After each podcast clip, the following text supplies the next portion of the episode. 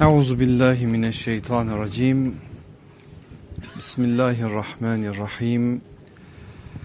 Elhamdülillahi rabbil alamin. Ves salatu vesselamu ala rasulina Muhammedin ve ala alihi ve ashabihi ve etbaihi ecmaîn.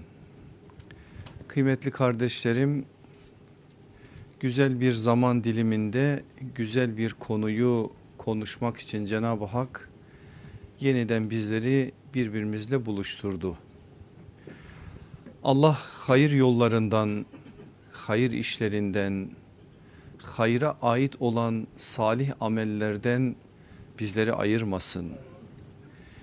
İnsanoğlu çok çabuk yoruluyor, çok çabuk bıkıyor, çok çabuk bazı şeyleri eskitiyor, çok çabuk bazı şeylerin de değerini düşürüyor. Biz de çok hızlı bir zamanda yaşıyoruz. Bizden önceki nesillerin işi bu manada biraz kolaydı. Hayatlarında bir huduluk yani bir sükunet, bir sekinet, bir yavaşlık vardı. Ama hızlı zamanlarda yaşayan insanlar olarak bizlerin bu manada biraz imtihanı ağır. Bu imtihanı fark etmemiz lazım ki tedbirini de ona göre alalım. Hep size söylediğim bir şey var ya biz seçmiyoruz imtihanlarımızı.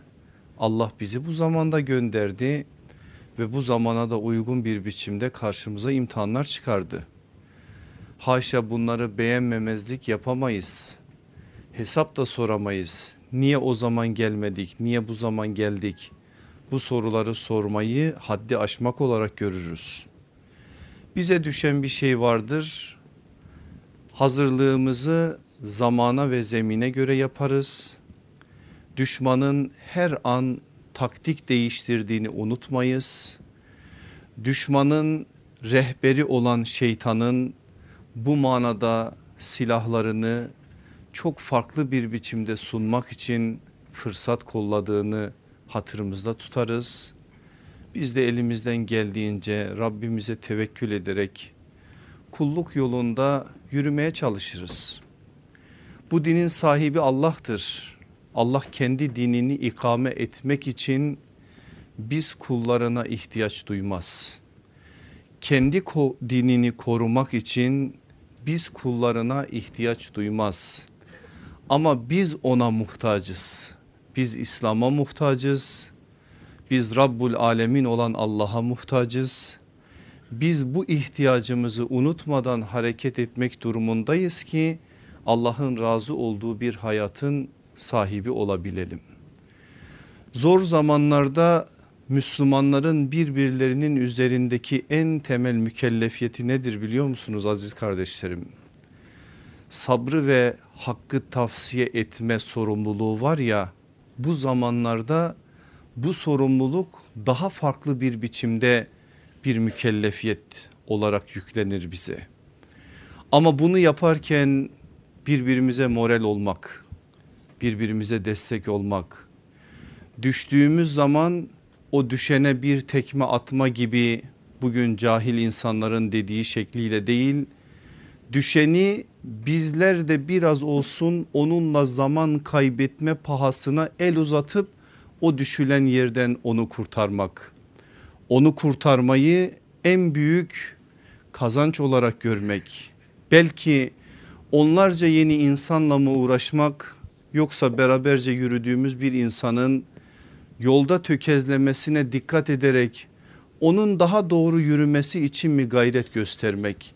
İkisi arasında bir kıyas yapılınca bazen dostun değeri için bazen yolun hakkı için bazen yolculuğun hakkı için o beraberce yol yürüdüğün insana el uzatmak diğerinden daha evveliyet kazanabilir, diğerinden daha önem kazanabilir. İnşallah birbirimize bu manada yardımcı olalım, destek olalım. Sadece ve sadece Allah rızası için bazı şeyleri yapmaya çalışalım. Şu güzel rahmet mevsimini kendimize bu manada bir güzelliğe dönüştürmek için de gayret edelim. İçinde bulunduğumuz mevsim artık yavaş yavaş Ramazan'ın ayak seslerinin duyulduğu bir mevsimdir. Selman-ı Farisi radıyallahu anhu o büyük insan o sahabilerin güzellerinden bir güzel Selman-ı Muhammedi desek ki uyacak Selman İbnül İslam'dır o radıyallahu an bize bir şey naklediyor. Diyor ki böyle Ramazana birkaç gün kala Allah Resulü sallallahu aleyhi ve sellem bize bir hutbe irad etti. Hutbe yarım sayfalık bir hutbedir. Kaynaklardan bakar okursunuz. İlk cümleyi de Allah Resulü aleyhissalatü vesselam şöyle başladı. Ey insanlar büyük ve mübarek bir ay yaklaştı. Gölgesi başınızın üstüne düştü. Gölgesi başınızın üstüne düştü. Şimdi biz Ramazanın gölgesinin başımızın üstüne düştüğü bir zaman dilimindeyiz. Allah Resulü aleyhissalatü vesselamın Ramazan'a hazırlık süreci ayrı bir bahis konusudur. Recep-i Şerif'le birlikte başlayan zaten hayatında var olan o kulluk zirvesi Recep-i Şerif'le birlikte daha farklı bir noktaya geliyor. Aylardan Şaban'ı muazzama olunca Allah Resulü'nde bir başka daha hal var. Hele nısfı Şaban'dan sonra olunca yani bizim Berat gecesi dediğimiz o mübarek gece var ya 15. gece ondan sonraki günler yani şu günler anamızın itirafı ve anamızın tespiti şöyle o günler geldiği zaman ne Resulullah bizi tanırdı ne biz Resulullah'ı tanırdık. O günler başka günler o günler Allah'a ait olarak geçirilecek günler. Onun için o günlerde bambaşka bir hayat vardır Resulullah'ın hayatında. İşte o günleri bize böyle ifade ediyor. Ramazanın gölgesi başınızın üstüne düştü. Ramazanın gölgesi demek size bir gölgeyi hatırlatmalı. O gölge asıl gölge, asıl bizim gideceğimiz yurtta ihtiyacımız olan gölge. O gölge arşın gölgesi. Aslında Ramazan'ın gölgesi demek eğer hakkıyla idrak edilirse arşın gölgesinin kazanılacağı bir fırsattır. Bir kere bunu iyice anlayalım ki hazırlığımızı ona göre yapalım.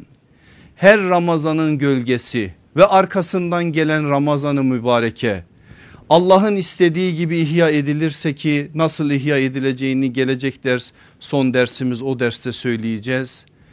O derste de göreceğimiz üzere ihya etme adına gayrete girdiğimiz zaman inşallah o Ramazan'ın gölgesi bizi arşın gölgesine kavuşturacak ve Allah'ın razı ve memnun olacağı bir hayatı kazanmaya özellikle öteki hayatı inşa etme adına bir gayrete sevk etme orayı kazanma adına da önümüzde bazı imkanları ve vesileler açma adına bir büyük ilahi bahşişe dönüşecek.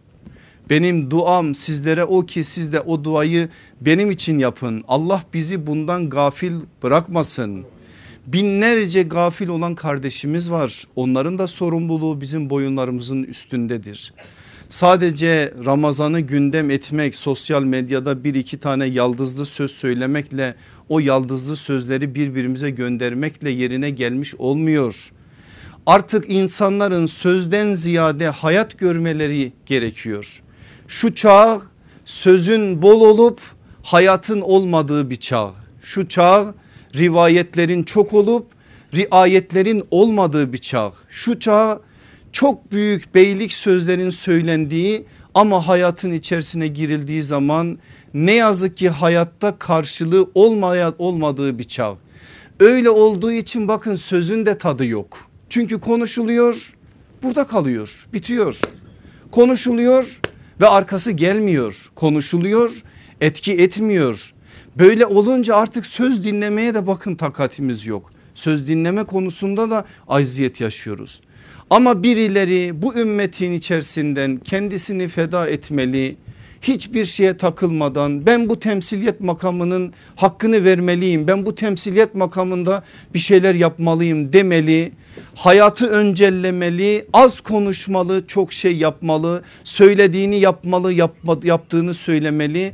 Aynen sahabenin öğrettiği gibi İslam'ı hal diliyle anlatma adına bir gayret içerisine girişmeli ve uyuyan bu ümmeti uyandırma adına bir seferberlik başlatmalı. Bunu birilerinden beklemeye bizim hakkımız yok. Biz birilerine gözümüzü dikerek işte falanca hoca yapsın arkasından biz gelelim filanca yapsın biz de yapalım. Birileri çıksın ortaya yapsın biz de arkasına yapalım. Vallahi bu bizi avutuyor bu doğru bir şey de değil. Tek başına ümmet olma çağıdır bu çağ. Sağına soluna bakmadan ben ne yapabilirim noktasındaki ızdırapla inleme çağıdır bu çağ. Bu çağda ashabı kef olma adına bir gayrete girişme çağıdır. Eğer sen sağına soluna bakarsan yürüyemezsin. Eğer sen birilerini beklersen daha çok beklersin. Eğer sen bu manada başkalarına takılırsan kendini harap edersin, kendini sıkıntıya sokarsın. Hayatının en bereketli zamanlarını boş şeylerde harcarsın fırsat elden gider ahvah edersin ama geriye getireceğin bir hayatın da olmaz. O pişmanlık içerisinde Allah korusun o yüce divana o yargılanılacak o divana varmış olursun. Allah bizleri muhafaza etsin. Benim aziz kardeşlerim ben bir başka hususa dikkatlerinizi çekmek istiyorum bugün asıl dersimize girmeden önce. Kahtı ricali böyle burunlarımızın direklerini kıracak şekilde hissettiğimiz bir zaman dilimindeyiz. Adam azlığı bu çağın bu zaman diliminin en büyük imtihanı. Hiçbir alanda yetişmiş insanımız istenilen oranda yok. Kalitemiz yok Müslümanlar olarak. Bizim kalitemiz olmadığı için insanlığın da kalitesi yok. Şimdi biz insanlığın kalitesini sorguluyoruz da Dönüp özel manada Müslümanları sorguladığımız zaman da bugün insanlığın bu noktada olmasının mesulünün kim olduğu konusunda gerçekten olması gereken sözü söylemekten imtina ediyoruz.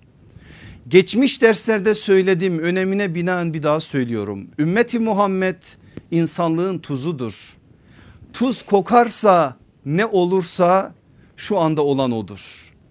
Ümmeti Muhammed kendilerine miras bırakılan o nebevi mirası istenilen oranda temsil edemedi. Edemediği için 200 yıldır 250 yıldır insanlığa bir şey söyleyemiyor söyleyemiyoruz. Söyleyemediğimiz için de kalitemiz her gün düşüyor düşüyor düşüyor ve zemine doğru gidiyoruz bakalım daha nereye kadar varacağız.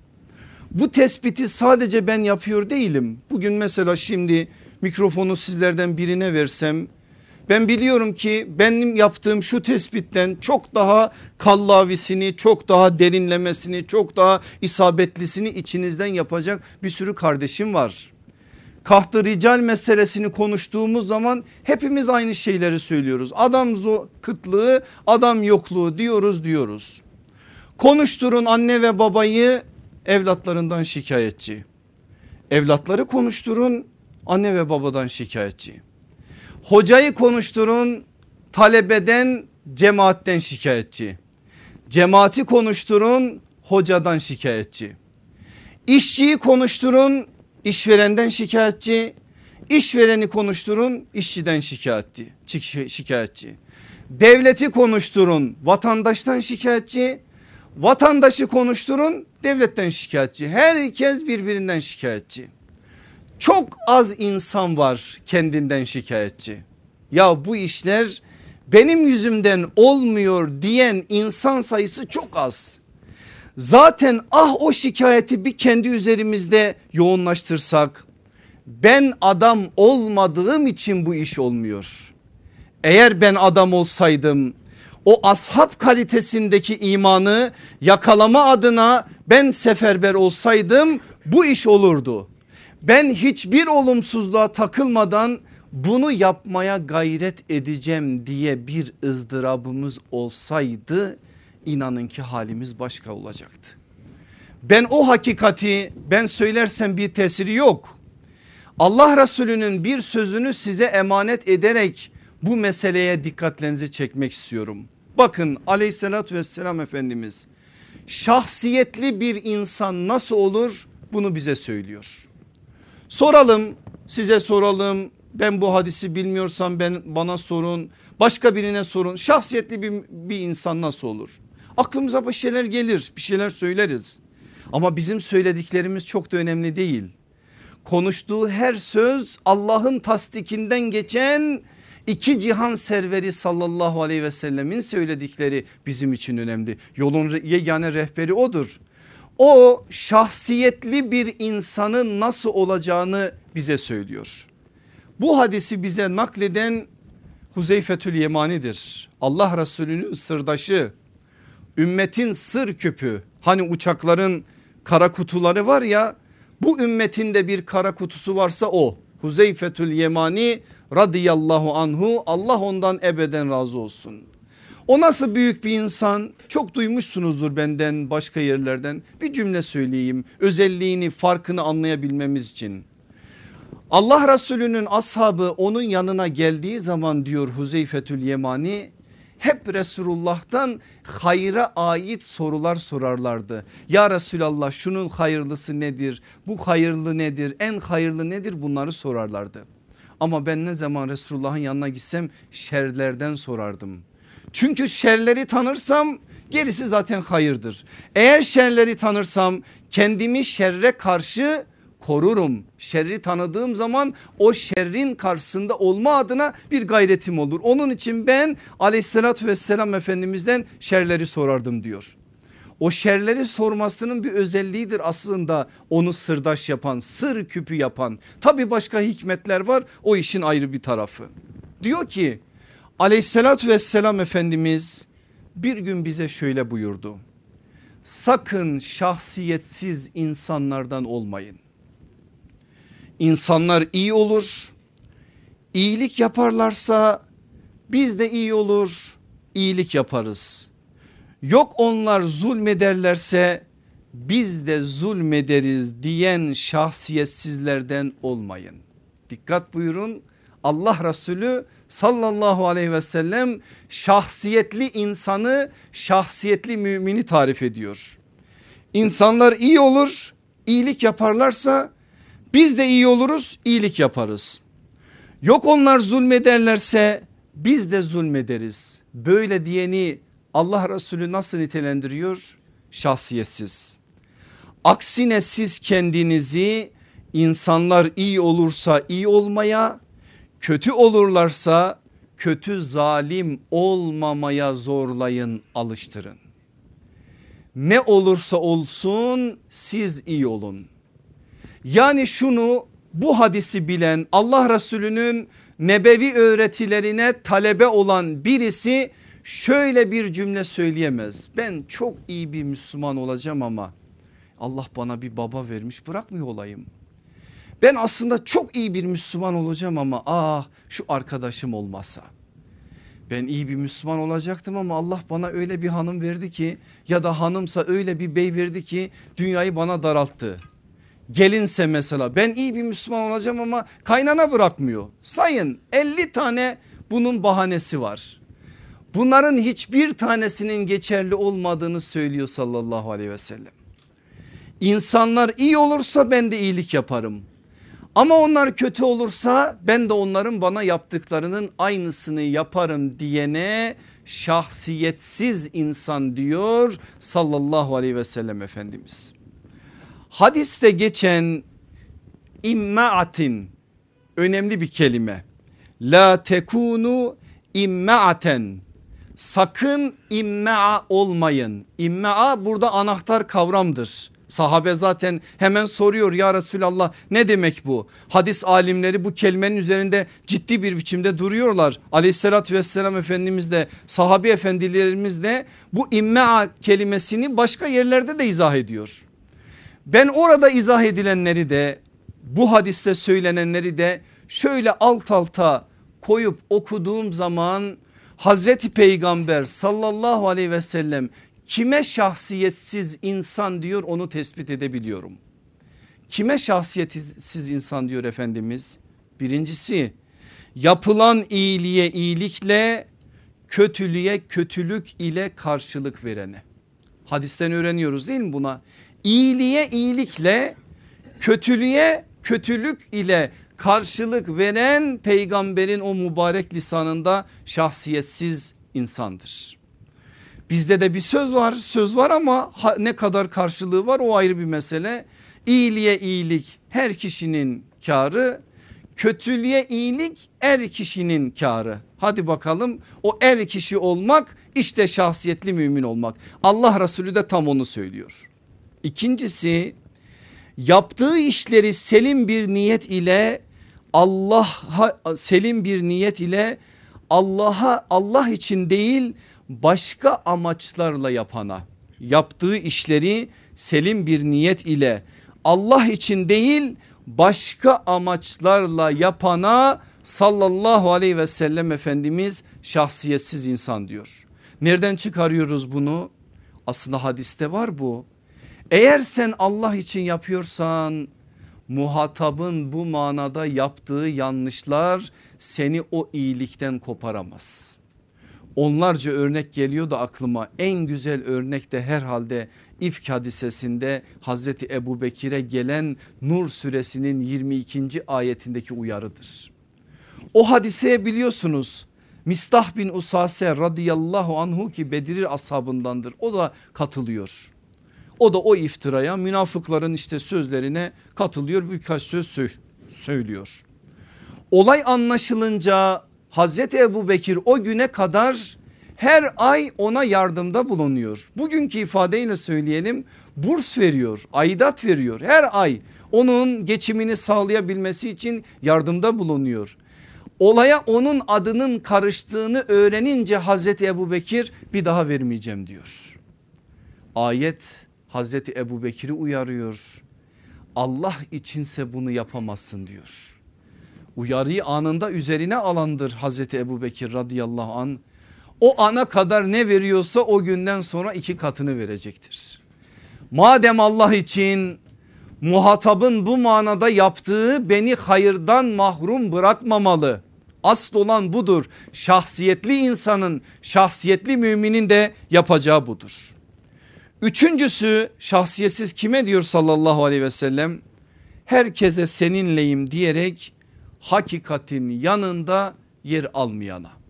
Herkese seninleyim diyerek hakikatin yanında yer almayana. Herkese mavi boncuk dağıtma. Böyle anlayın. Hiç kimsenin gönlü kırılmasın.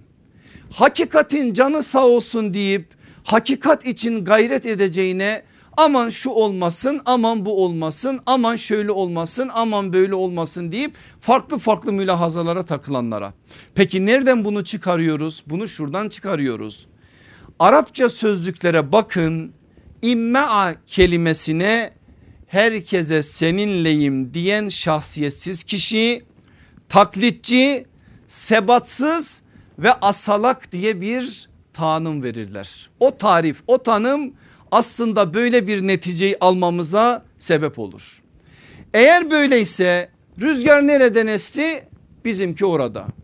Güneş nerede çıktı bizimkinin kilimi orada. Bir ilkesi yok. Bugün bir şey söyler yarın rüzgar tersine döner söylediğinin tam tersini söyler. Hiç de bundan gocunmaz. Çünkü yok şahsiyet yok ki söylediği kendine dert olsun. Şahsiyet olsa zorlar onu ya sen dün bunu söyledin. Bari özür dile de ki ya ben arkadaşlar dün böyle söylemiştim hakkınızı helal edin yanlış yapmışım de bunu. Üstünü örtüp sanki o yokmuş gibi davranıp güneş bu sefer başka yerden çıktı diye oraya doğru koşup kilimini oraya serdiğin zaman işte sen immea oluyorsun. Yani şahsiyetsiz bir insan oluyorsun. Herkese seninleyim diyerek bu manada ilkesiz bir duruşun olduğunu ortaya koymuş oluyorsun. Dördüncüsü taassubu taklitçiliği ve tecessüsü ahlak olarak edinene. Allah Resulü taassubu taklitçiliği ve tecessüsü ahlak olarak edinene şahsiyetsiz insan diyor. Nereden çıkarıyoruz bunu? Abdullah İbni Mesud'dan radıyallahu an. Bir gün diyor ki o yanındaki talebelere herhangi biriniz sakın immea olmasın. Hemen yanındakiler immea nedir diye soruyorlar.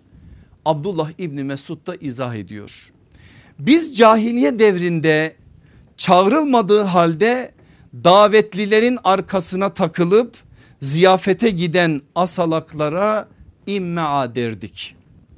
Ama bugün immea bakın değişti o gün öyleydi ama bugün immea dinini imanını insanların anlayışlarının peşine takan delil burhan aramaksızın körü körüne onlara tabi olan yani taassup ve taklitçilik yapan bir de onun bunun özel hayatını karıştırıp tecessüs yapana diyoruz.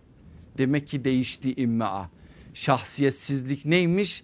Abdullah İbni Mesud'un ifadesiyle de böyle ki onun her söz sözü de malumunuz olduğu üzere Allah Resulü sallallahu aleyhi ve sellemin sözüne yaslanır. Şahsiyetsiz kime diyor Efendimiz sallallahu aleyhi ve sellem? Beşincisi nedir biliyor musunuz? Değersiz olanı değerli ile yüce olanı basit olanla değiştirene. Şu dünyayı dört elle sarılıp dünya ahireti unutana. Geçici olan bu hayatı kalıcı olanla değiştirene.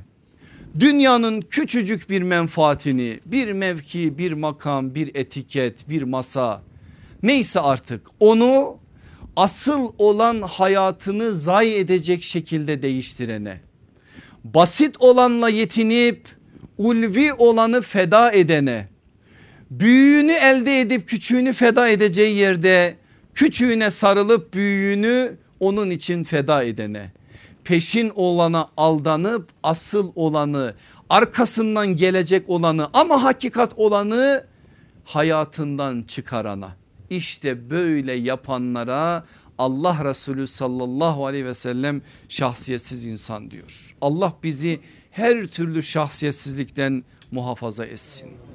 Eğer bir insan cennete kitlenirse hedefi cennet olursa asla bunları yapmaz. Çünkü o değerli olanı öğrenmiştir öğreneceği makamdan. Allah Resulü sallallahu aleyhi ve sellem ona değer adına değerler sıralaması adına bir şey koymuştur karşısına. O menzilin en önemli şeyi ise bu işin sonunda cennet var. Allah da cennete davet ediyor. Mallarımız ve canlarımız karşısında bize cenneti satıyor. Biz de cenneti satın alma adına böyle bir gayret içerisine girdiğimiz zaman kilitleneceğiz cennete cennetin iştiyakıyla yanıp tutuşacağız.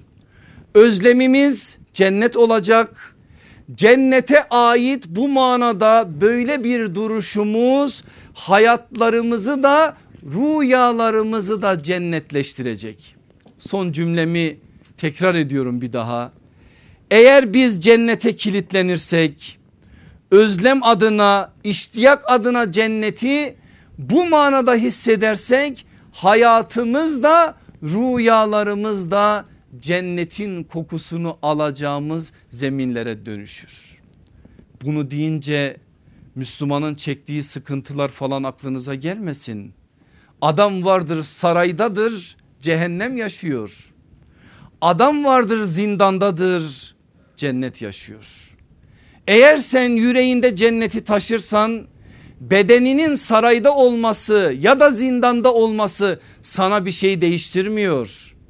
Yüreğinde cennet varsa vardığın her yer senin için cennettir. Çünkü sen o özlemle hareket ediyorsun. O iştiyak senin yüreğini kaplamış. Başka bir şey seni kesmiyor ki sen başka şeylerle avunmuş olasın. Kimin gibi? Sahabe-i kiram efendilerimiz gibi.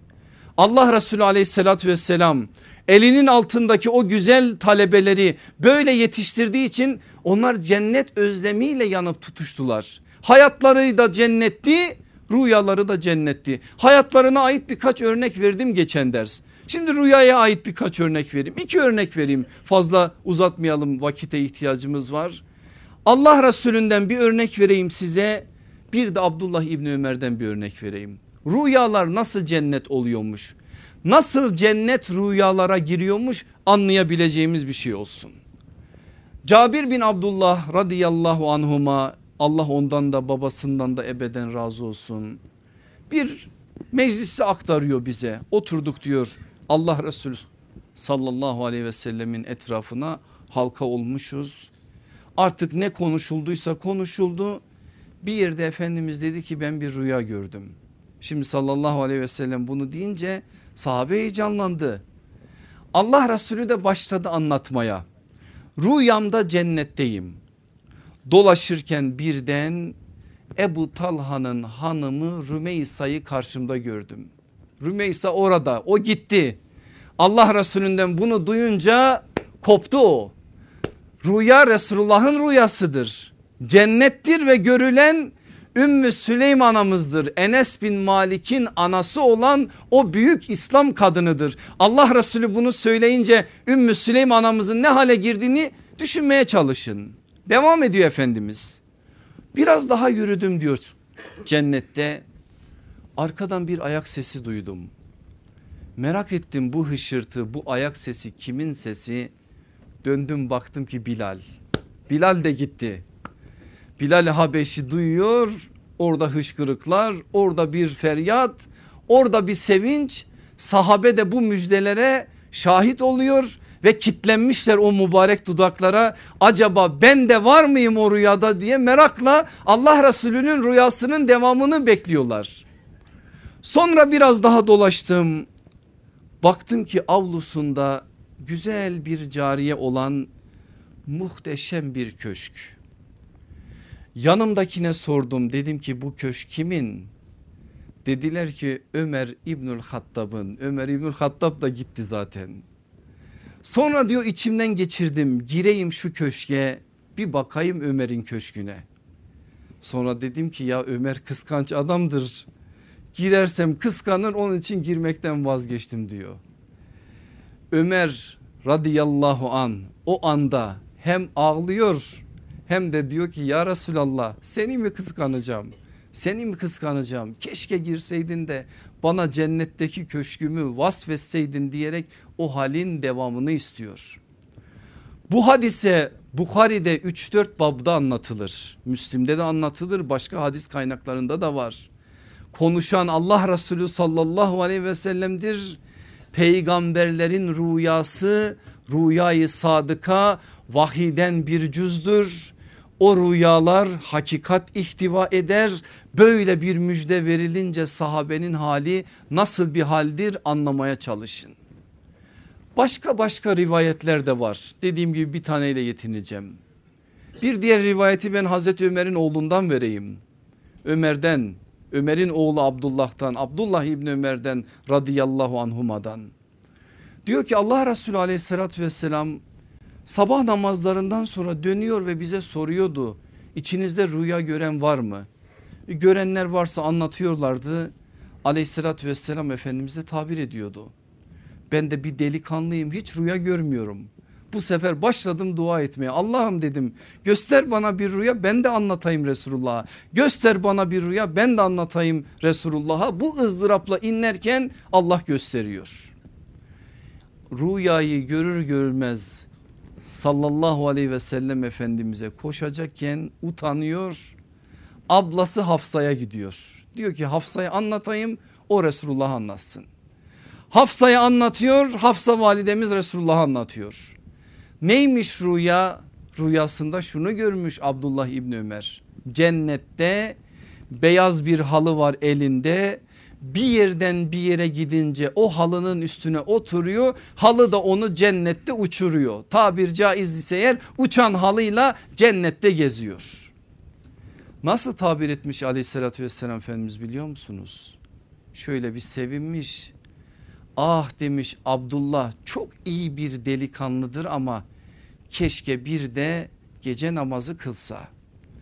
Abdullah cenneti hak edecek amellerin sahibi de onu uçuracak halı gece namazı. Eğer o da olursa halı da olacak rüyada bir hakikat olacak. Verdiği tabir bu aslında. Abla Hafsa getirip anlatıyor bunu Abdullah İbni Ömer'e. Abdullah İbni Ömer o günden sonra hayatından çıkarmadığı bir ibadete dönüştürüyor teheccüdü gece namazını. Onun oğlu Salim ki koca bir alimdir onun kölesi ve sonra talebesi olan İmam Nafi ki biliyorsunuz İmam Malik'in hocasıdır. O ikisinin yeminle söylediği bir şey var. Vallahi biz onun yanına vardığımız günden vefat edeceği ana kadar ne kadar zorluklar içerisinde olursa olsun onun bir gece gece namazını geçirdiğine biz şahit olmadık. Resulullah sallallahu aleyhi ve sellem böyle söyleyince dünyasındaki karşılığı da bu olacak. Böyle cennete kilitlenmiş bir nesil. Onun için bakın Efendimizin hutbelerine, konuşmalarına, sahabeyle olan muhabbetine konuşuluyor konuşulur. Hangi konu konuşulursa konuşulsun. Bir bakarsınız söz bir yerde cennete gelir ulaşır. Çünkü iştiyakları var ya cenneti konuşmayı çok seviyorlar. Ha bazen Efendimiz aleyhissalatü vesselam iş dengelensin diye başka yere duygular kaymasın diye bazı uyarılar onların hayatında yer olsun diye cehennemi de anlatır. Cehenneme ait derste bunlara ait şeyleri söyledik ama cennet vurgusu cennet anlatımı çok çok daha fazladır. Sahabe merak ediyor varacakları yerleri ve sorular soruyorlar bazen. Ya Resulallah cennette şu var mı? Şöyle olursa böyle olur mu? Bazen bunları da soruyorlar o asıl yurtlarındaki bilgiyi daha iyi almak için. Onlardan da birkaç örnek vermek istiyorum. Asıl sözüme götüreceğim şimdi sizi. Diyor ki Ebu Hureyre radıyallahu an oturmuşuz yine Allah Resulü'nün etrafında nurdan bir halka cennetten bahsediyor aleyhissalatü vesselam Efendimiz. Bir anda diyor ki bir adam cennette ziraat yapmak için Rabbinden izin isteyecek. Rabbi ona diyecek ki sen arzuladığın hal üzere değil misin? Yani ne oldu ki sen ziraat yapmak, toprağı ekmek, bir şeyler yapmak istiyorsun? O onu isteyecek olan diyecek ki hayır ya Rabbi ben arzuladığım hal üzereyim. Fakat ben ziraat yapmayı, tarla, bahçe işleriyle uğraşmayı çok seviyorum. Allah da ona izin verecek. O da başlayacak cennette tarlayla bahçeyle uğraşmaya. Diyor ki aleyhissalatü vesselam Efendimiz sözünün devamında öyle bir yapacak ki ekecek inanılmaz derecede ekinler olacak. O ekinler büyüyecek kaldıracak harmanı dağlar gibi harmanı olacak yığılacak. Rab Teala ona diyecek ki ey Adem oğlu senin gözün doymaz ama al bakalım al bakalım deyip cennetin o ziraatinden oluşan mahsulü dağlar gibi mahsulü ona verecek. Ebu Hureyre diyor ki Allah Resulü sallallahu aleyhi ve sellem bunu söyledi. Bizde biraz sessizlik oldu. Bir taraftan cennetin o güzelliğini düşünüyoruz. Bir taraftan da Adem oğlunun kanaatsizliğini düşünüyoruz. Birden bir ses duyuldu. Sesin sahibi bir bedevi. Dedi ki ya Resulallah Vallahi o biz değiliz. Ben olsaydım ben onu demezdim. Eğer ziraat işi istiyorsa kesinlikle o ya Kureş'tendir ya Ensar'dandır. Çünkü onlar çiftçidirler. Onlar o işi severler. Biz o işi sevmeyiz. Keşke biz orada olsak da yan gelip yazsak. Allah Resulü sallallahu aleyhi ve sellem o kadar hoşuna gitti bu cümle. O kadar hoşuna gitti ki Ebu Hureyre diyor ki azı dişleri görünene kadar o güldü biz de güldük. Konuşmalar böyle cennete ait meseleler konuşulunca gündem böyle oluyor onların dünyasında. Ve soruyor merak ediyor sahabi başka şeyleri de soruyor. Mesela Ebu Büreyde'nin arkamızdaki bir dağ olan Ebu Eyyub El Ensari'nin birkaç hadis kitabında bize naklettikleri bir iki rivayeti ben birleştirerek size söylemek istiyorum. Soruyor sahabe ya Resulallah cennette kılıç var mı? Allah Resulü sallallahu aleyhi ve sellem var diyor ve başlıyor cennetin kılıçlarını saymaya. Bir başkası ya Resulallah cennette at var mı? Allah Resulü aleyhissalatü vesselam var diyor. Allahu Teala seni cennete koyduğu takdirde kızıl yakuttan bir at üzerinde orada dolaşmak isteyecek olsan o seni istediğin her yere uçuracaktır. At var ama Nasıl at var? Cennetin atı var. Biri daha soruyor. Ya Resulallah cennette deve var mı? Bakıyor ki Allah Resulü aleyhissalatü vesselam soruların ardı arkası kesilmeyecek. Ne sorsa başka biri neye cevap verse başka biri bir daha soracak. Cennette deve var mı diye sorana şunu söylüyor. Eğer Allah seni cennete koyarsa orada canının her çektiği gözünün her hoşlandığı şey bulunacaktır. Artık bundan sonrasını sormaya gerek var mı? Canının her çektiği gözünün her hoşlandığı bulunacaktır. Tirmizi'nin cennet babının 11 numaralı hadisi. Şimdi benim aziz kardeşim kardeşlerim bakın Zuhruf suresi 71. ayete orada nefislerin arzu ettiği ve gözlerin lezzet zevk aldığı her şey vardır. Kur'an'dan konuşuyor Allah Resulü sallallahu aleyhi ve sellem ve siz orada süresiz kalacaksınız. Bakın Fussilet suresi 31. ayete orada nefislerinizin arzuladığı her şey sizindir ve istediğiniz her şey de sizindir. Bakın Enbiya suresi 102. ayete onlar nefislerinin arzuladığı sayısız nimet içinde ebedi kalacaklardır. Aleyhissalatü vesselam Efendimiz Kur'an'ın bir hakikatini kendisine sorular soran sahabi efendilerimizin o sorularına verdiği cevapta böyle söylüyor. Ama bugünkü dersimizin başlığı neydi? Cenneti anlamaya hayaller yeter mi? Şimdi ona geldik. Artık şimdi bir şey söyleyecek Efendimiz. O söylediği söz sahabenin dünyasında bir farklı bir biçimde karşılık bulacak. O karşılığın ne olduğunu şimdi göreceğiz. Çünkü onu gördüğümüz zaman aleyhissalatü vesselam Efendimiz nasıl tarif ediyor cenneti? Gerçekten peygamberin o mübarek dilinde cennet nasıl ifade ediliyor onu daha iyi anlamış olacağız. Yine nakleden Ebu Hureyre diyor ki Allah Resulü sallallahu aleyhi ve sellem buyurdular ki yüce Allah ben salih kullarım için cennette hiçbir gözün görmediği hiçbir kulağın işitmediği ve hiçbir insanın hayal bile edemeyeceği nimetler hazırladım buyurdu. Hadisi bir daha söylüyorum Bukhari hadisi.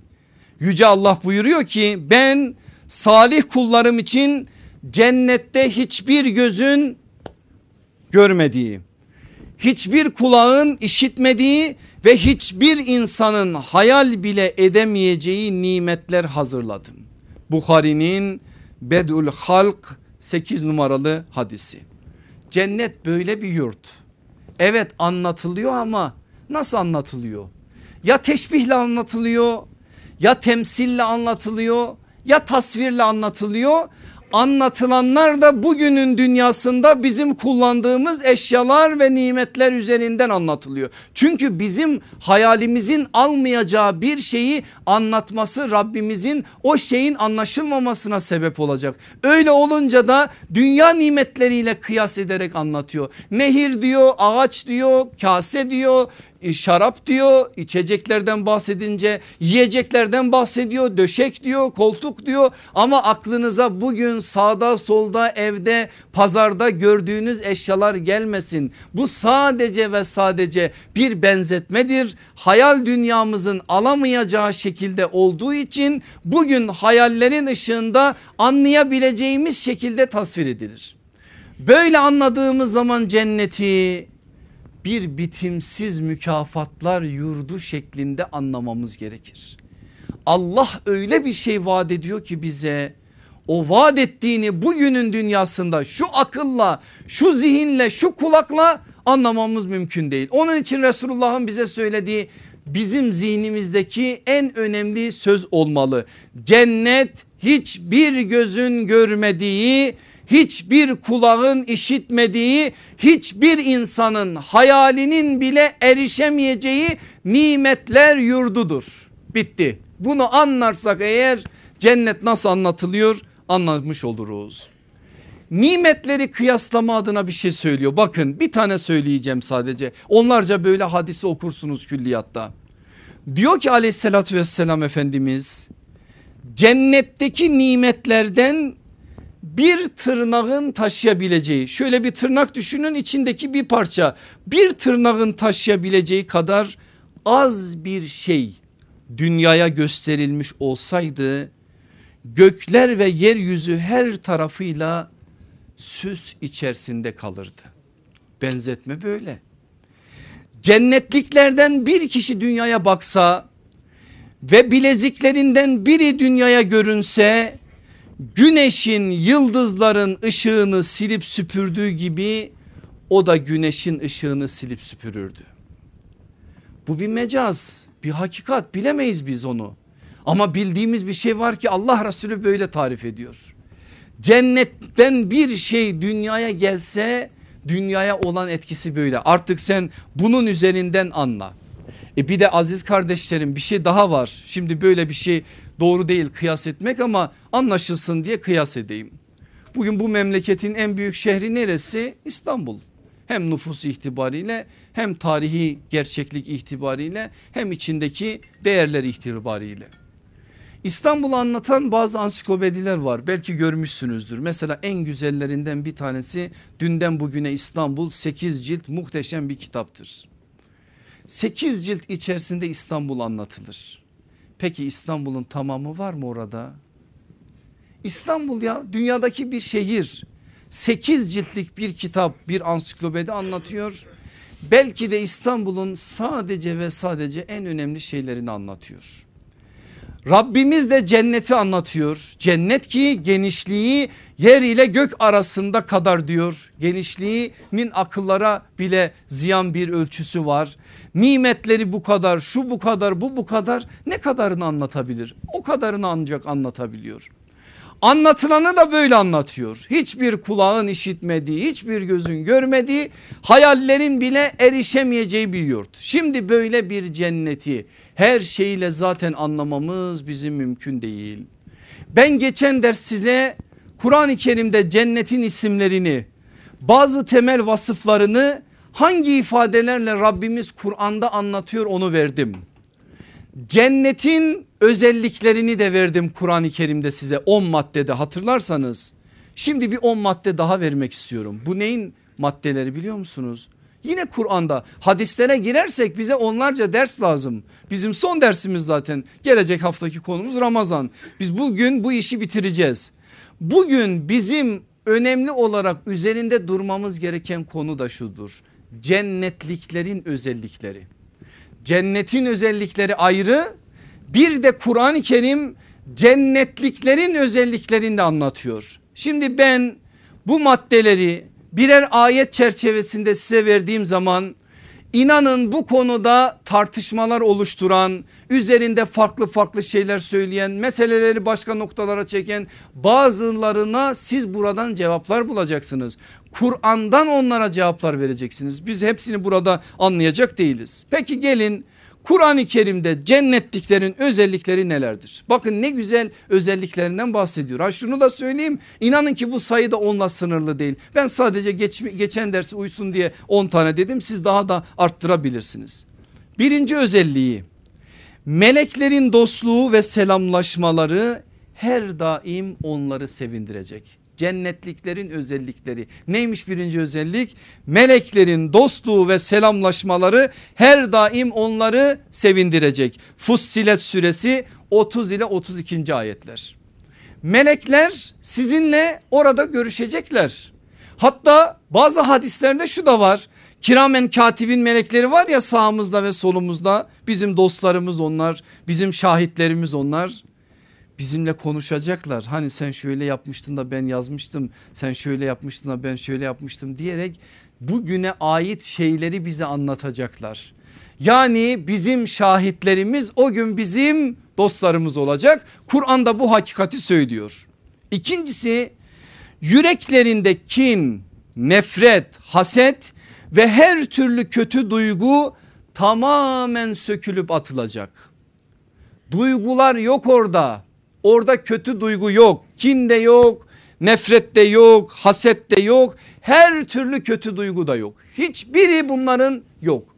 Manevi anlamda da yok. Maddi anlamda da yok. Bugün maddi anlamda affedersiniz sizi iğrendiren ne varsa kendinizden ya da başkanız başkasından ben bu kadar söyleyeyim altını siz doldurun. Çok önemli bir şey söylüyorum aslında. Sizi iğrendiren kendinizden ya da başkasından gördüğünüz zaman ne varsa o cennette yok. O cennette yok. Cennette öyle bir şey yok. Bu yüreklerinde kin, nefret, haset ve her türlü kötü duygunun tamamen sökülüp atılacak meselesinin Kur'ani dayanağı Hicr suresi 45 48. ayetler. Üçüncüsüne bakın Allah aşkına. Söylemeden duasını edeyim. Allah onu bize nasip eylesin. Dostlarıyla oturup dünyadaki hatıralarını konuşup sevinecekler. Oturacağız şöyle koltuklara cennet koltukları tabi ve konuşacağız.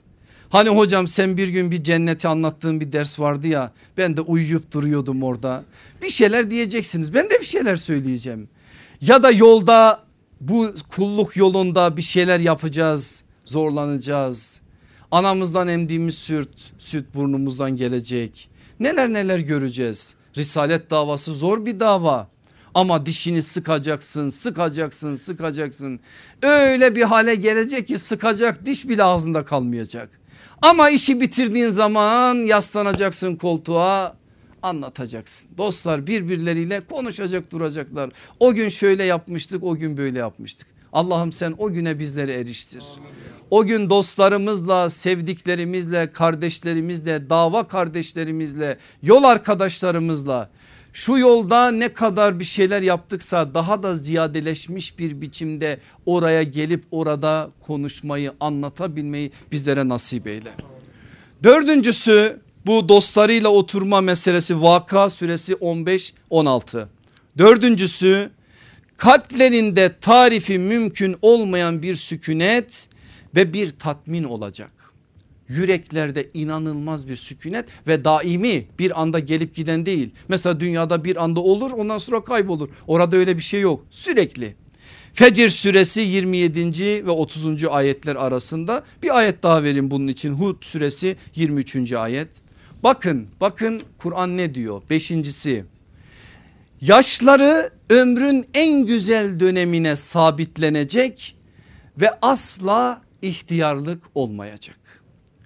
Evet hadisler orada nikahın devam edeceğini ama çocuğun çocukların olmayacağını söylüyor. Yani artık orada nesil zürriyet diye bir şey yok. Allah orada başka mükafatlar verecek. Ama burada başka bir şey söylüyor bize.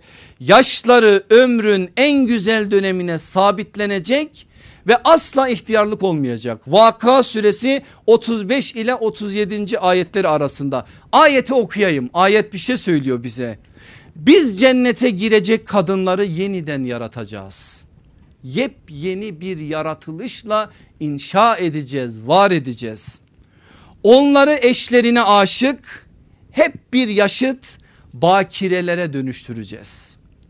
Allah Resulü sallallahu aleyhi ve sellem de tebyin görevinin bir gereği olarak kadınların yaşlarına ait açıklama yapmıyor. Çünkü Kur'an bir şey söyledi. Bu yaş grubu neyse o yaş grubu kadın yaşıdır. Nedir? 18'dir 19'dur. Dolayısıyla burada kadınları resmederken kullandığı ifade kadınların gençliğin zirvesinde bir yaşta olduğunu bize söylüyor. Söylendiği için Allah Resulü aleyhissalatü vesselam burada bir açıklama yapmaya ihtiyaç duymadı. Peki erkekler? Erkeklere burada yok.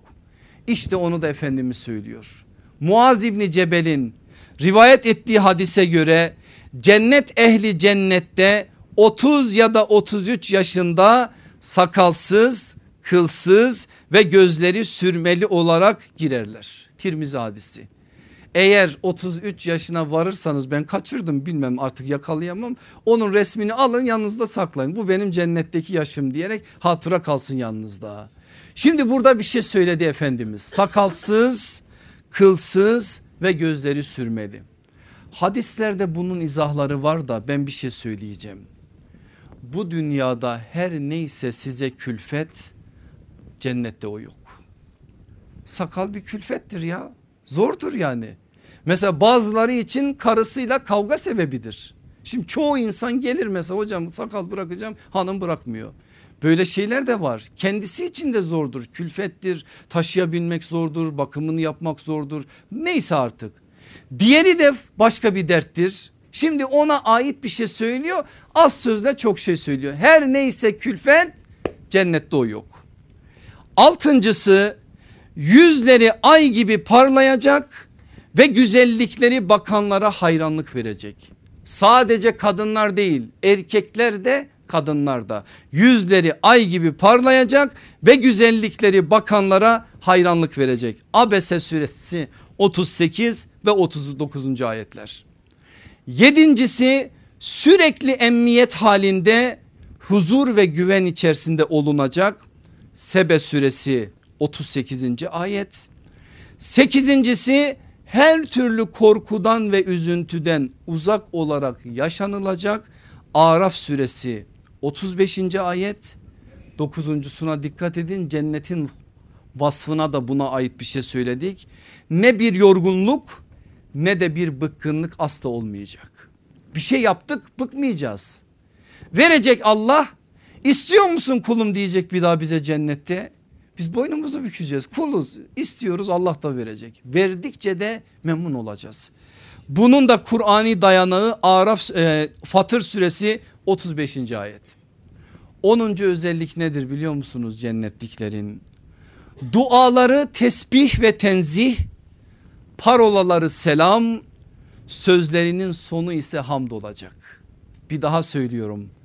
Duaları tesbih ve tenzih, parolaları selam, sözlerinin sonu ise hamd olacak. Yunus suresi 10. ayet. Yunus suresi 10. ayeti okuyalım. Onların oradaki duası Allah'ım seni noksan sıfatlardan tenzih ederiz sözleridir. Onların oradaki duası derken cennetteki duayı kastediyor. Orada cennette birbirleriyle karşılaştıkça söyledikleri ise selamdır. Onların dualarının sonu ise şudur. Hamd alemlerin Rab, Rabbi Allah'a mahsustur. Allah o gün o sözü de o parolayı da o duayı da bizlere orada yapmayı nasip eylesin. Şimdi benim aziz kardeşlerim son ders olduğu için biraz atış serbest olsun önümüz açık olsun bir iki meselemiz var kapatacağız bugün. İki tane mesele var hızlıca size söylemek istediğim onunla da bitireceğim zaten. Bunlardan bir tanesi huri meselesi bir tanesi de araf meselesi. İki mesele de biraz tartışmalı ihtilaflı bir mesele olduğu için Şimdi cenneti ve öteki hayatı anlattığımız bir bahiste bunlara değinmezsek olmaz. Huri meselesi konuşulmaya başlayınca bir garip hal alıyoruz biz. Müslümanları ben söylüyorum. Öteki kesim zaten ayrı. Onlarda başka bir dert var. Bir bakın mesela internete neler neler söyleniyor. Ben birçoğunu burada söyleyemem ve konuşamam sizlere. Ama insanlar çok rahat bir biçimde her şeyi söylüyorlar ve konuşuyorlar. Bu meselede bizim dışımızdaki insanlarda diyelim ki Allah'a inanmıyor adam. Ateist diye kendini tanımlıyor. Sizin karşınıza geldiği zaman da huri meselesini sizinle tartışıyor. Ben bir ateise huri meselesini nasıl anlatacağım? Anlatmalı mıyım anlatmamalı mıyım? Nasıl bir tavrım olacak? Bir, bir iki cümle bunun için söylemem lazım bize benim. Geldi mesela bir ateist birkaç mesele konuşunca söz cehenneme geliyor. Cehenneme ait şeyleri konuşunca da bir ateistin size söylediği söz şu diyor ki Allah o tabi haşa demiyor ama biz haşa diyelim haşa sadist mi ki kullarını yakmak için bir cehennem yaratsın. Bunu duyunca bizim delikanlımız gencimiz her neyse afallıyor. Cevap vermekte zorlanıyor. Cehennemin Allah'ın en büyük nimeti olduğuna ait o bilgileri ona aktarmakta zorlanıyor. Ama ben bir şey söyleyeceğim başka bir şey söyleyeceğim. Benim aziz kardeşlerim Allah'a iman konusunda zafiyet yaşayan bir insana ne cenneti anlatabilirsiniz ne cehennemi anlatabilirsiniz ne azabı anlatabilirsiniz ne huriyi anlatabilirsiniz. Zaten anlatmamalısınız da. Zemin yok sen onun üzerine bir şey kuruyorsun. Allah'a iman meselesi olmayan bir insanın huri meselesini anlaması mümkün değildir. Hele sen gel önce biz seninle bir Allah'a iman meselesini konuşalım. Arkasından ne konuşacaksa konuşalım. Dolayısıyla biz Allah'a inanmıyorum diye kendini tanımlayan iman konusunda zafiyeti olan iman konusunda zihninde aklında şüpheleri olan bir insanın şüphelerini izale etmek için meseleyi tartışmalı konular üzerinden başlatarak bir yere vardıramayız. Öncelikli olarak bizim onlarla konuşmamız gereken mesele iman ve iman esasları ve hakikatleridir. İman esasları ve hakikatlerini konuşalım o noktada bir mutabakat sağlarsak onun arkasından ne konuşursak konuşalım. Şimdi gelelim bize. Müslüman Allah'a inandığını söylüyor. Mümin ve mümine mümin bir erkek ve mümine bir kadın. Ya biz Kur'an'ın bir hakikatini bugün modernizmin bize telkin ettiği ve modernizmin bizi mecbur bıraktığı kavramlar üzerinden ve zihin dünyasının üzerinden anlamak mecburiyetinde miyiz? Bizim Kur'an'ımızın açıklandığı zaman bizi mahcup bırakacak hiçbir meselesi yoktur. Şöyle göksünüzü gere gere bütün bir dünyaya bunun meydanını okuyabilirsiniz. Vallahi bu sistem Allah'ın sistemidir. Allah'ın sisteminde ise en ufak bir zafiyet yoktur. Ve aziz Kur'an'ımız neyi söylemişse biz başından sonuna kadar hepsine iman etmişiz. Avrupa'da da bunu söyleyin. Amerika'da da bunu söyleyin. Afrika'da da bunu söyleyin. Ta Avustralya'ya varsanız Avustralya'da da bunu söyleyin. Çünkü sahabe böyle söyledi. Ama bunu söyleyebilmeniz için kendi değerlerinize bir bakmanız lazım. Bir bakın bugün mesela bu modernizmden etkilenerek bu meseleyi anlamaya çalışanlara. Yani adam kadınları üzmemek için 40 dereden su getiriyor. Huri kelimesinin altından giriyor üstünden çıkıyor. Etimolojisi böyle bilmem neyi böyle zamiri buraya gider ötekisi buraya gider. O teknik meseleleri ben şimdi anlatsam siz de sıkılacaksınız hiçbir anlamı da yok. 50 tane farklı dereden su getirir Huri'yi erkeklere verilmiş bir nimet olmaktan çıkarmaya çalışır. Hiç kusura bakma hiç de zorlama çünkü Kur'an öyle demiyor. Bu aziz kitabı farklı bir biçimde okumadan gerçekten Allah ne diyor şeklinde okuduğun zaman iş bitti. Şimdi ben bir mümine kadına buradan bir şey söylemek istiyorum. Azize hanım kimsen artık muvahhide ve mümine bir hanımsan şuna bir erkek kadar inanmak durumundasın.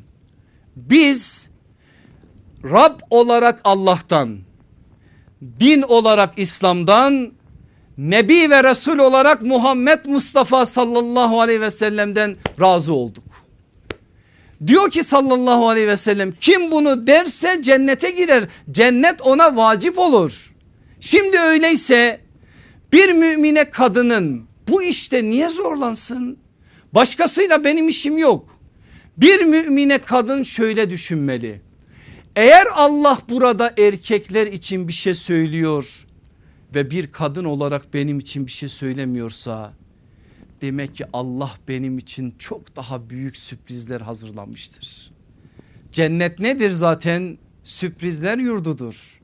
Secde suresinin 17. ayetini geçen ders ben size söyledim. Yaptıklarına karşılık olarak onlar için cennette ne mutluluklar saklandığını hiç kimse bilemez. Orası sürprizler yurdudur. Allah erkekler için bir şeyler söylüyor ama eğer bu işte kadınlar için açıkça bir şey söylemiyorsa ki kadınlar için de söylediği bazı şeyler var ama daha farklı farklı şeyler eğer bu manada isteniyorsa o iş bir şekliyle oraya bırakılmalı ama şu özgüvenle bırakılmalı. Allah beni benden daha iyi biliyor. Benim ihtiyaçlarımı benden daha iyi biliyor. Neye benim daha farklı bir biçimde muhtaç olduğumu benden daha iyi biliyor. O bana orada verecek. Verdiğinden de ben razı olacağım. Çünkü ben bu dünyada ondan razı oldum. Öte dünyada da o beni razı edecek diyerek bir ön kabulle bu işi yürütmek zorundadır. Yoksa onun dışında o ayeti öteki ayetle çarpıştır. Ötekini oradan getir buradan götür böyle bir şeye yapıp da Kur'an'ımızı ele ayağa düşürmek, Kur'an'ımızın bir hakikatini farklı farklı yerlere çekmek. Böyle bir şeyin bize hiçbir faydası olmayacak. Bu Allah'ın muradını okumak da değildir. Haşa Kur'an'ı konuşturmaktır ve bu çok tehlikeli bir şeydir. Allah hepimizi o tehlikeden korumuş olsun. Ve bazı cahillerin sözleri e erkeklere huri varsa kadınlara ne var? Zıkkımın kökü var ne varsa var. Sen ille de onu tespit etmek zorunda mısın ya? Allah susmuşsa sen de sus ya. Yok efendim erkeklere o varsa işte kadınlara gılman vardır. Yok efendim vildan şudur yok efendim şu şudur ya. Allah'tan korkar insan. Ben sadece kadın erkek hepimizin kulağına küpe olsun diye bir cümle söyleyeceğim. Her şey için bu şey için de özel olarak. Bir konuda sahabenin sustuğu yerde susan felaha erer. Var mı bir cümle bana gösterebileceğiniz sahabe gelmiş de huri meselesinde cinsiyetini Allah Resulü sallallahu aleyhi ve sellem'den sormuş. Bir tane rivayet bana gösterebilir misiniz? Sahabi hanımları Allah Resulüne gelip neler neler soruyorlar neler neler. Buna ait de bir mesele sorsun. Allah Resulünden böyle bir şeyi merak etsin ve onun karşılığını ondan duymak için sorsun. Var mı? Yok. Eğer bulursanız bana verin ben bu sözlerimi geri alacağım. O halde sahabenin durduğu yerde duran haddini bilmiş olur sahabenin bize verdiği bilgiyle yetinen önümüzdeki yolu yol olarak belirle, belirle, belirleyen Allah'ın izniyle sahili selamete erer ki Allah bizi o sahili selamete vardırsın. Araf konusuna gelin. Araf konusu da tartışılan bir konu. Biliyorsunuz Kur'an-ı Kerim'in tertipte 7. süresi ki zaten oradan geliyor. Araf sur, dağ, tepenin en yüksek kısmı anlamına gelir. Araf suresinin 46 ile 48. ayetleri arasında aktarılır burası. Ama ayetlerde net bir biçimde kimdir ve Araf neresidir belli değildir. Onun içinde müfessirler bu konuda bir şeyler söylerler. Söylenenlerin tamamını biz dört başlık altında toplayabiliriz. Birincisi ahirette müminlerle kafirleri yüzlerinden tanıyacak olan melekler. Ayetlerde var mı bu? Var. Yani siz ayetleri melekler diye okuyabilirsiniz. Ve Araf olan yer Ashabul Araf'ın da melekler olduğunu söyleyebilirsiniz.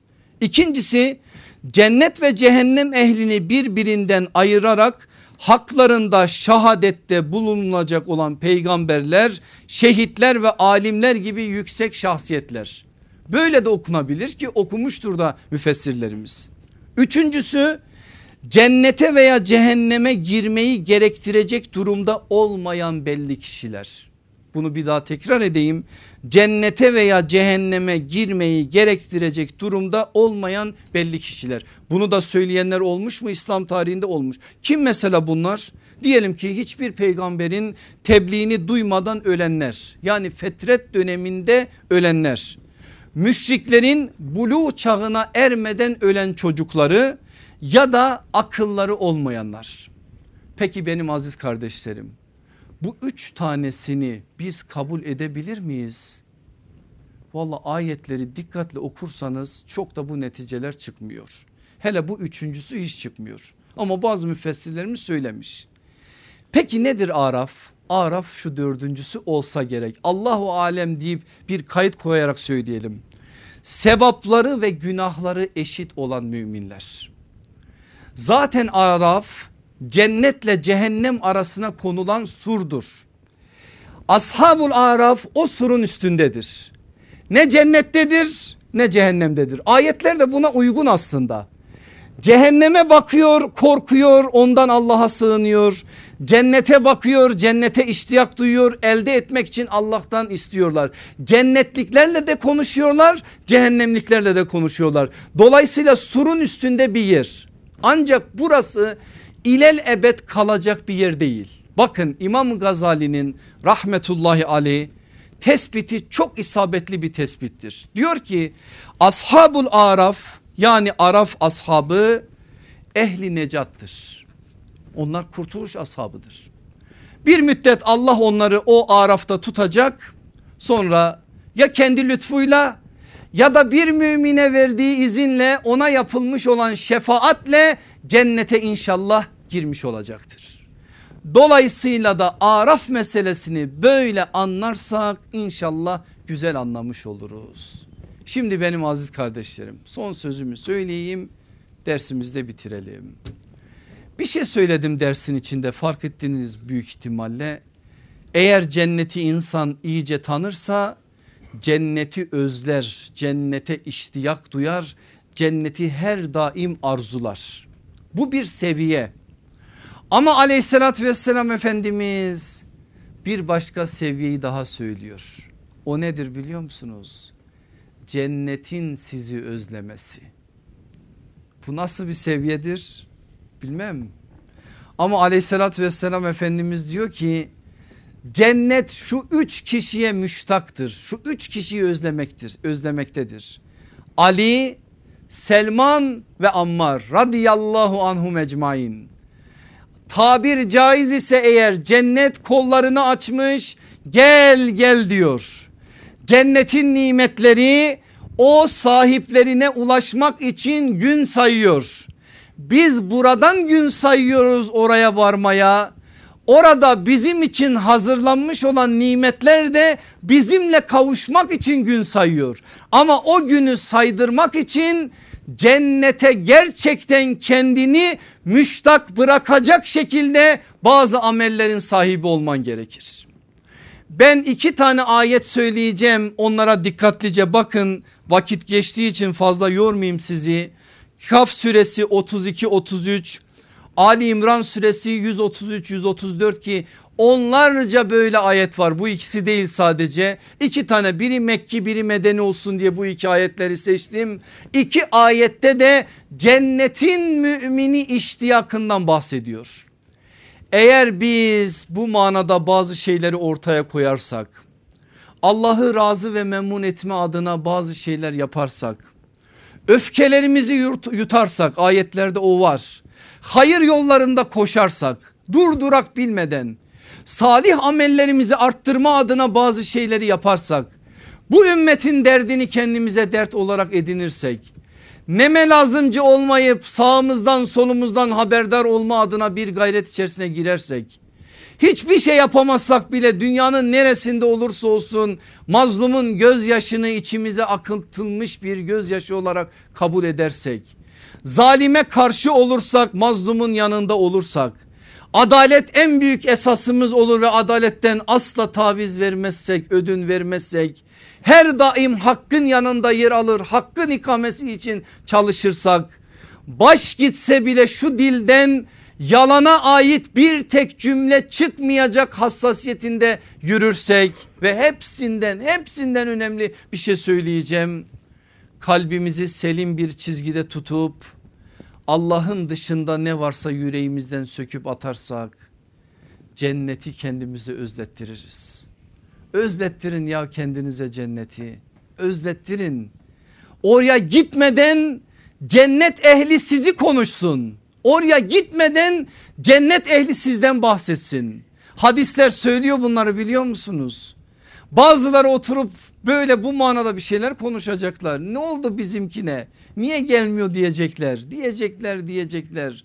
O, o sözleri söylettirin ki vardığınız zaman o nimetlerin tadı ve lezzeti daha farklı bir biçimde sizin üzerinizde tecelli olsun. Allah o güne o ana bizleri eriştirsin. Bir an olsun bizim yüreklerimizden ahirete ait endişeyi atmasın. Akıbet endişesi her endişenin en üstündeki endişe olsun.